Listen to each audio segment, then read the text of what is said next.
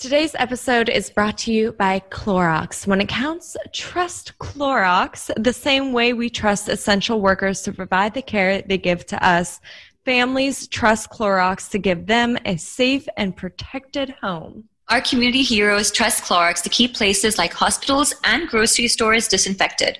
So I know I too can trust Clorox to provide my home with a safe environment at home we can all enjoy. So I have a story for you, Amanda. Um, with Clorox, there's one thing I definitely use it for every single time before I step into my vanity van. Uh, I love the entire place disinfected because that's where I keep my makeup. Uh, that's where I get ready. That's where my clothes are. That's sometimes where I take a nap as well. So, you know, I can use it all over like time of need. So, um, yeah, it's been really, really, it just keeps everything super clean and I, I feel super safe. For me, it's important to share with loved ones and the public in general how they can give the most care for their loved ones, especially during times like these. I mean, with the pandemic going on, with COVID going on, it's just great to be extra sanitary with all the items that are around you, caring for others, and you know, just wiping down the door handle after you use the bathroom or wiping down. So important. The toilet. So important. The toilet handle. Don't forget oh. the toilet handle. so remember, when, when it counts, trust Clorox. Haverty's Furniture is here to help you get your home all set for the new year so you can set the stage with more style, set the bar more beautifully, and set a more show stopping table. Let's set some time aside to settle in on a new sofa together because being at home shouldn't mean having to settle for less. And Haverty's Furniture can help you start the new year off right at their holiday savings event so you can create the perfect setting. And right now, everything's on sale store wide. بودكاست سكاي نيوز عربية.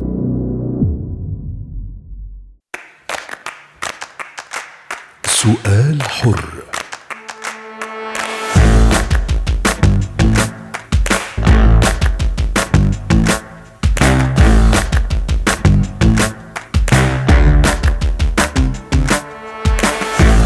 أهلا بكم مستمعينا الكرام لبرنامج سؤال حر معكم طيبة حميد. نسأل لنطلب المعرفة ونسأل لنناقش الفكرة وقد يدفعنا السؤال إلى التفكير بطريقة صحيحة. ولكي تكون مساحة النقاش مفروضة أمامكم مستمعينا الكرام نطرح سؤالا حرا ونشارككم الإجابة عنه مع المختصين والخبراء. نتحدث اليوم عن اضطراب نفسي يصاحب الشخص وذلك نتيجة مخاوفه من أشياء مادية أو معنوية. نتحدث عن الفوبيا والتي تصنف تحت اضطرابات القلق. لما تسببه من خوف شديد ورهاب غير منطقي من أشياء معينة كالتواجد في مكان ما أو أداء مهمة ما وما إلى ذلك من الأنواع المختلفة والعديدة للفوبيا. كما أن الفوبيا تعد أيضا من أهم أعراض الوسواس القهري.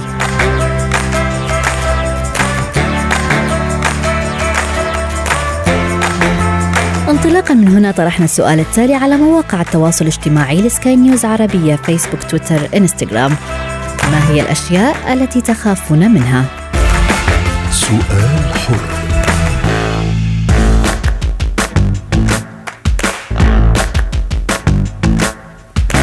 من ضمن التعليقات الواردة كانت لعصام الذي قال أنا أخاف من المرتفعات والأماكن العالية. حاولت كثيرا أن أتجاوز الموضوع ولكن لم أستطع.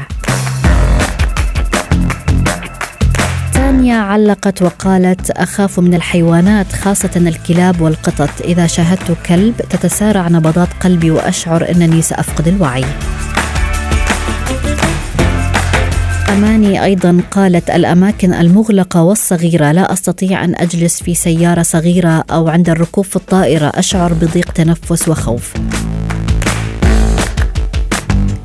أما عبد الله فقال أخاف من السرعة الفائقة وقيادة السيارة بسرعة تشعرني بتوتر غير طبيعي. ريهام تقول أخاف من التحدث إلى الغرباء عندما يسألني أي شخص في الشارع أشعر بخفقان قلب وتوتر. سؤال حر. إذا للحديث عن هذا الموضوع تنضم لنا أستاذة علم النفس السلوكي رحاب العوضي. أهلا بك دكتورة رحاب معنا. يعني تنوعت مخاوف المستمعين الذين علقوا على سؤال الحلقة اليوم. يعني دعينا نبدأ من تعريف مصطلح الفوبيا. تعريف الفوبيا هو نوع من أنواع القلق الغير مبرر. بمعنى هناك إنسان آه، قلقه مقبول أو له أسباب إذا شرحها. أما الفوبيا فهي آه، قلق آه، وهلع غير مبرر وبأسباب مختلفة وباستجابات مختلفة. أغلبها بيكون أغلب أسباب الفوبيا إما اضطراب سلوكي بمعنى إنه في أحد الكبار أمام الطفل منذ الصغر مثلا آه، ظل يخافه من الكلاب أو القطط وغير ذلك الأماكن المرتفعة اول معرفه بهذا السلوك كانت معرفة سيئة. اذا استمر معه في الذاكرة. فكره الخوف الغير مبرر أو القلق الغير مبرر نعم. أو القلق المرضي بعدة مسميات أو التخويف والترهيب من الأهل أو من الكبار فبالتالي ينشأ الإنسان لديه خوف من شيء يجهله أو ارتباطه بمثير واستجابة آه، قد يكون الخوف الغير مبرر مقبولا إلى حد ما. يعني قد يكون الإنسان يخشى المرتفعات ولكنه إذا تعرض لموقف ولا بد أن يكون مثلا في الدور العشرين لقضاء مثلا معاملة بنكية أو غير أو معاملة مكتبية فإنه يستطيع فعل هذا ولكنه نعم. يتجنب يتجنب الوجود في الأماكن المرتفعة التواجد مع القطط وفي الشارع والكلاب وغير ذلك ولكن متى نصف هذا الشخص بأنه فعلا مريض ويحتاج إلى علاج بشكل محدد ومعين عندما يصيب يصيبه نوع من أنواع عدم آه، عدم الرغبة في التعرض لهذا الأمر ابدا. طبعا مع عدة أمور آه، فيزيائية بتظهر على الجسم بعد بعض المظاهر الفيزيائية. بالتأكيد. طب آه، يعني دكتورة رحاب أنواع الفوبيا كثيرة بالتأكيد. دعينا نلخص أبرز هذه الأنواع وأكثرها انتشارا. أكثرها انتشارا الخوف من الحيوانات القطط والكلاب الخوف من المرتفعات الخوف من الأماكن الضيقة مثل الأسانسير الخوف من البحر آه، آه، رهاب الاستحمام دي حالة نادرة ولكنها موجودة. يعني قد يعني خوف قد يكون نادر ولكنه موجود الخوف من المياه أثناء الاستحمام. آه، أغلبها طبعا بيكون الخوف أغلب الأمور الأماكن الضيقة الأماكن العالية الخوف من الحيوانات. وأغلب هذه المخاوف الغير مبررة أو المخاوف المرضية بتكون بسبب المثير الأول. آه، أو بمعنى؟ أول تعارف بهذا الموضوع. بمعنى إذا آه، صاحب أول تعارف للطفل بأماكن مرتفعة وليكن آه، حصل مشكلة حصل نوع من أنواع آه، الضيق لأهله حصل نوع من أنواع التوتر والخوف لدى الأم والأب. فإن الطفل يرتبط بذهنه مدى حياته الخوف من المرتفعات، الخوف من الأسانسير أو الأماكن الضيقة وبيقوم صاحبه من ضيق تنفس وشعور بالدوخة وعرق شديد.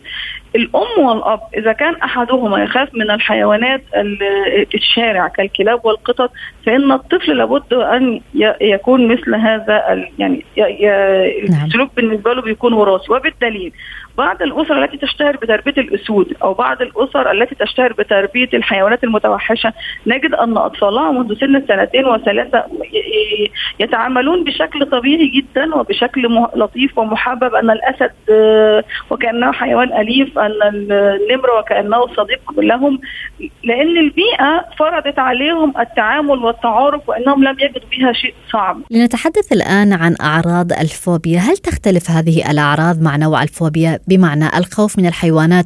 هل تختلف أعراضه عن الخوف من الأماكن المرتفعة أو الضيقة؟ لا أغلب النتائج من موقف الخوف المرضي أو الفوبيا بتكون نفس الاستجابات. الشعور بالدوخة ضيق التنفس بتختلف بقى بتقل أو تزيد. قد يكون عند إنسان أربع أعراض منهم عند الآخر خمسة. آه، ولكنها واحدة التعرق الشديد اضطراب الجهاز الهضمي آه، الألم في المفاصل بشكل فجائي الألم في الأسنان بشكل فجائي تسارع النبض والشعور بالدوخة وأحيانا الميل إلى القيء وتصل بنا إلى الإغماء. تصل يعني الإغماء هنا بيكون نوع من أنواع الاستجابة المخ بيعطي إشارة إن يحصل هذا الإغماء حتى لا يستكمل الإنسان آه، بقية الموقف بمعنى حيلة نفسية آه، يعملها المخ للتخفيف على الإنسان من هول الموقف فبتبدأ بعدة آه، أعراض وقد تنتهي طبعا بالإغماء على حسب ان بعض الناس يصر أو يجبر الآخر. يظن أن علاج الفوبيا أنني سوف أعرضه للموقف اذا سوف يكون جاهل فيصر مثلا على تعريض زوجته أو أولاده للموقف نعم. المرتفعات العليا العالية أو الأماكن الضيقة أو بمعنى آه، آه، واجه الشيء ولا تخاف منه أو بدعوى واجه الشيء ولا تخاف منه آه، دعنا نكرر التجربة. كل هذه أمور غير متخصصة وبالتالي ينتج عن هذا الشعور ويزيد بالإغماء أحيانا. آه، طبعا نعم. نجد اسهتها آه، ولكن هل هناك أيضا أعراض فوبيا آه، اجتماعية؟ بمعنى البعض يقول إن الأطفال المصابون بالفوبيا قد يلجؤون للبكاء والغضب أو استعطاف الأهل. الأطفال المصابين بالفوبيا الأطفال لا تصاب بالفوبيا إلا بسبب الاهل بمعنى أنهم لديهم مشكلة نعم ولكن هل الأعراض على الطفل مختلفة عن الأعراض للشخص البالغ؟ طبعا. بكاء الطفل تحت سن ست سنوات هو جذب انتباه ليس أكثر. الطفل غير مدرك وبالدليل لو تركنا طفل مع أسد أو مع لا قدر الله ثعبان أو سيقوم باللعب معه. وسيستمتع جدا بالأسانسير أو بالسلالم المتحركة أو غير ذلك. آه، في الحالة دي الطفل بيت- بيتشبع من أهله من عدة من المواقف المختلفة وبالتالي بيكون عنده فوبيا وتظهر في مرحلة المراهقة. تظهر الفوبيا في بداية مرحلة المراهقة وليس في مرحلة الطفولة. أما بكاء الطفل و... و... و... وتمثيله ان هو بيمثل ان هو نفس مش قادر يتنفس أو ان هو هي سوف يصيبه القيء. كل هذه امور يتعلمها يعني الطفل نعم. يكون عنده ذكاء الاستعطاف للأم والأب ولكنها ليست فوبيا. هل هناك مضاعفات لهذه الفوبيا؟ بمعنى هل تؤدي مثلا للإصابة بالاكتئاب؟ قد تؤدي إلى ميول انتحارية أو ما إلى ذلك؟ عند إهمالها فعلا يصاب الإنسان أيضا برهاب اجتماعي يخاف الاحتكاك والعمل مع الناس يظل حبيس المنزل حتى لا يتعرض لموقف حيوان بالشارع أو مرتفع عالي آه، يسير حياته تبعا يعني لا يحتاج إلى مواجهة مواقف وبالتالي فعلا قد يصيب بالاكتئاب ولكنها لا تصل بنا إلى الانتحار. إلا إذا أصر الغير على إجبار الإنسان على تكرار هذا الموقف وإهانته ونعته بالجبان الغير قادر أو العاجز وهذه أمور نادرة للغاية. آه، الفوبيا من الأمراض أو من ال- الحاجات اللي يقدر الإنسان بسهولة يتجنبها. يعني إذا كان لديه خوف من المرتفعات فسهل جدا لا يذهب لنزهة للجبال أو للصحاري أو يتوجه إلا في حالات نادرة جدا. وكذلك أيضا آه، فكرة الخوف من البحر يستطيع الإنسان تجنب الذهاب إلى البحر. آه، من الأمور اللي نقدر نسيطر عليها فكرة الشارع مثلا آه، يستطيع الإنسان إذا خرج اللي هو يخاف من الحيوانات الأليفة إذا خرج إلى الشارع بمصاحبة آه، الأب أو الأم أو الزوج أو الصديقة بيقلل بعض الشيء من مظاهر الخوف اللي هي الشعور بالدوخة وضيق التنفس وغير ذلك. ولكن يعني أستاذة رحاب هل يمكن من الناحية النفسية معالجة هذه الفوبيا أو اللجوء إلى مختص بمعنى أصح؟ طبعا يفضل أيضا اللجوء إلى مختص لعلاج هذه الأمور خاصة وإذا كان الإنسان في مقتبل حياته وستكتمل حياته بمعنى إذا كان آه، شاب.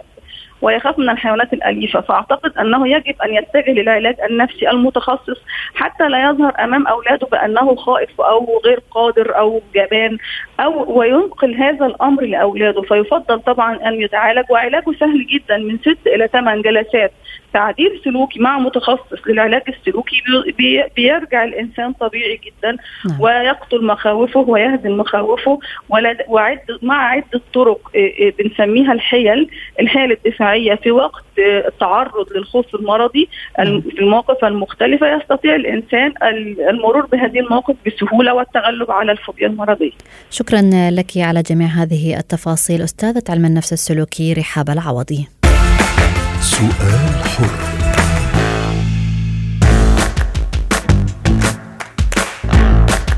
في القسم الثاني من البرنامج نستضيف مدربة مهارات الحياة نور هشام وقبل الحديث مع ضيفتي أعود وأذكر بسؤال الحلقة الذي كان ما هي الأشياء التي تخافون منها؟ أقرأ من التعليقات روان تقول أنا أخاف من السباحة بشكل مبالغ فيه. أشعر بضيق تنفس عند الدخول إلى البحر أو حتى محاولة السباحة. أيضا مروان يقول أخاف من الأفاعي لا أستطيع أن أشاهدها حتى لو على شاشة التلفاز. أما ميرا فقد علقت وقالت أخاف من قيادة السيارة وأشعر إنها خطر كبير ولا أستطيع أن أتخيل أنني أقود هذه السيارة. إذا أرحب بضيفتي مدربة مهارات الحياة نور هشام. أهلا بك نور. معنا ضمن برنامج سؤال حر. كنا قد تحدثنا إذا مع دكتورة رحاب عن مصطلح الفوبيا وأسباب هذه الفوبيا.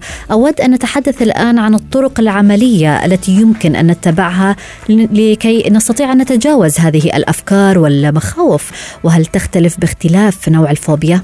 آه مرحبا أستاذة طيبة ومرحبا جميع المستمعين.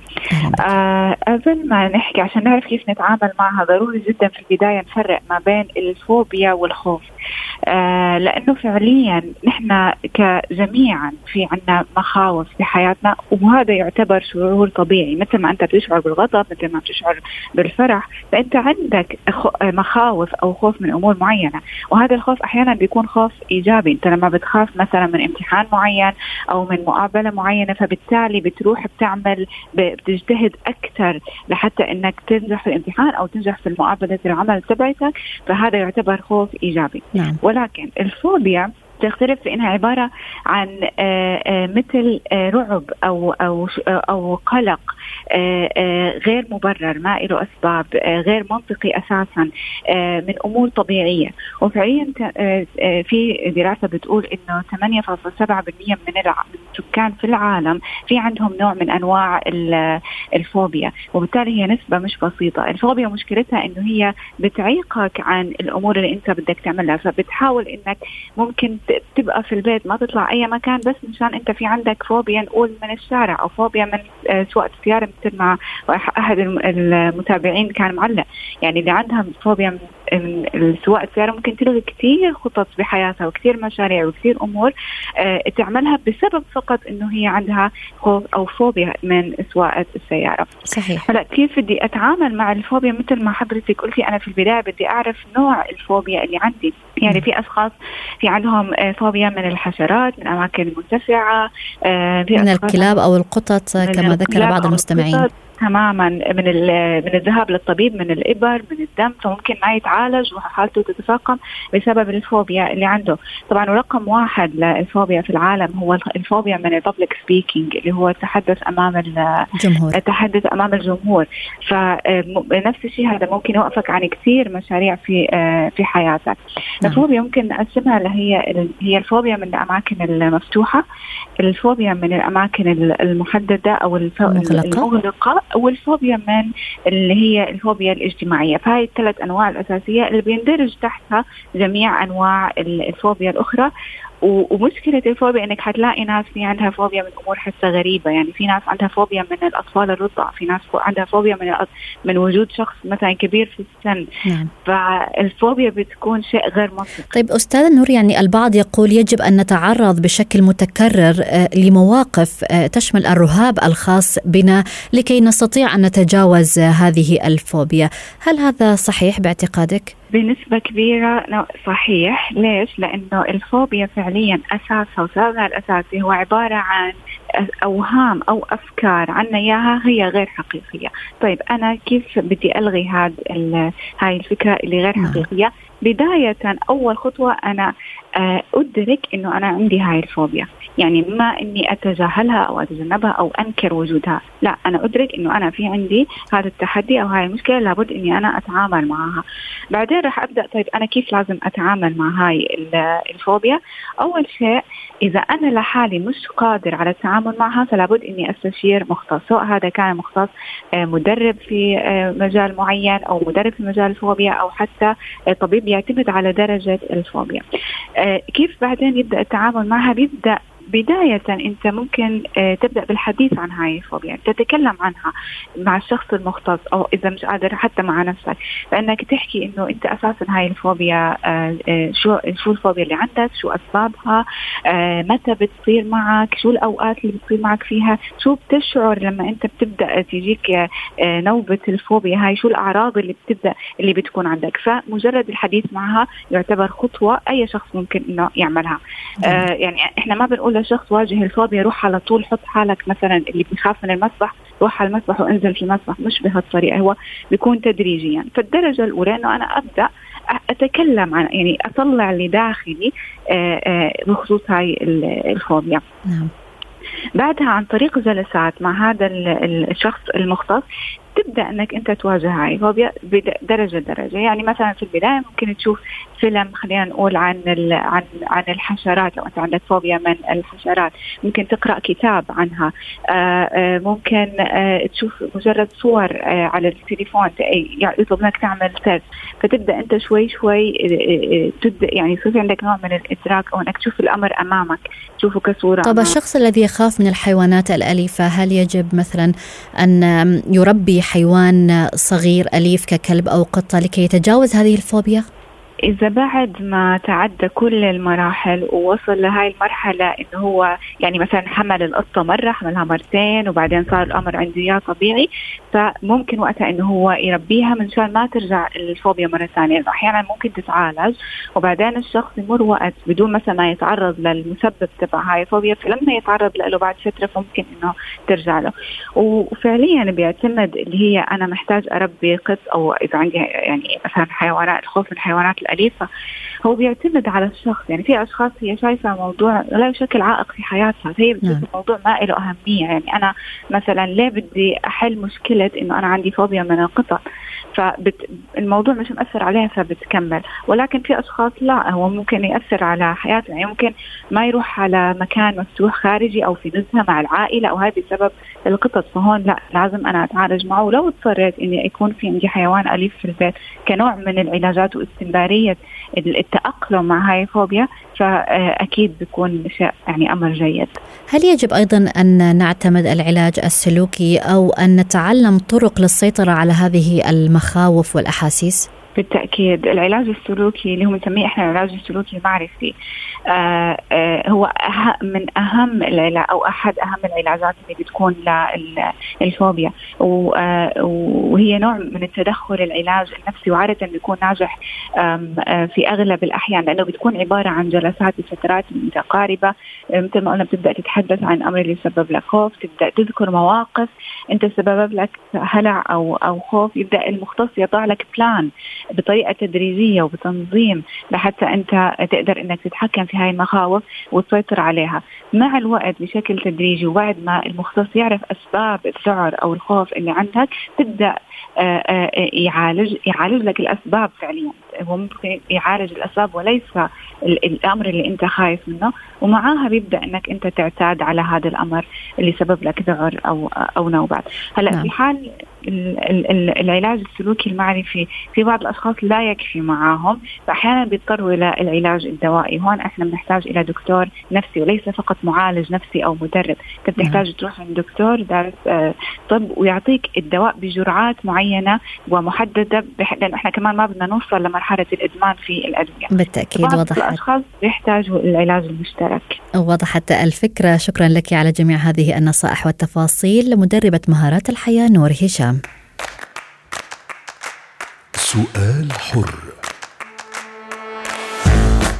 إلى هنا نصل وإياكم مستمعينا الكرام إلى ختام برنامج سؤال حر.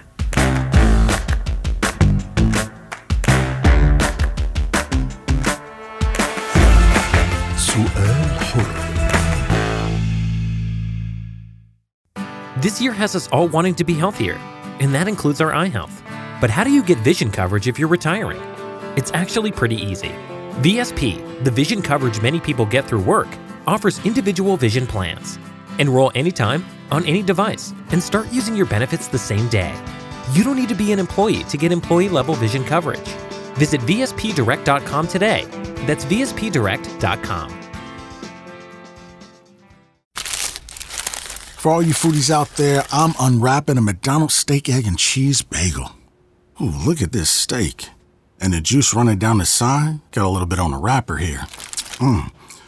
And then the fluffy egg and real cheese folded over the side looking just so good. Mmm, mmm. Grilled onions and a butter bagel too. Thumbs up for McDonald's steak, egg, and cheese bagel for breakfast. Love it. Mmm. Ba ba ba ba. I participate in McDonald's.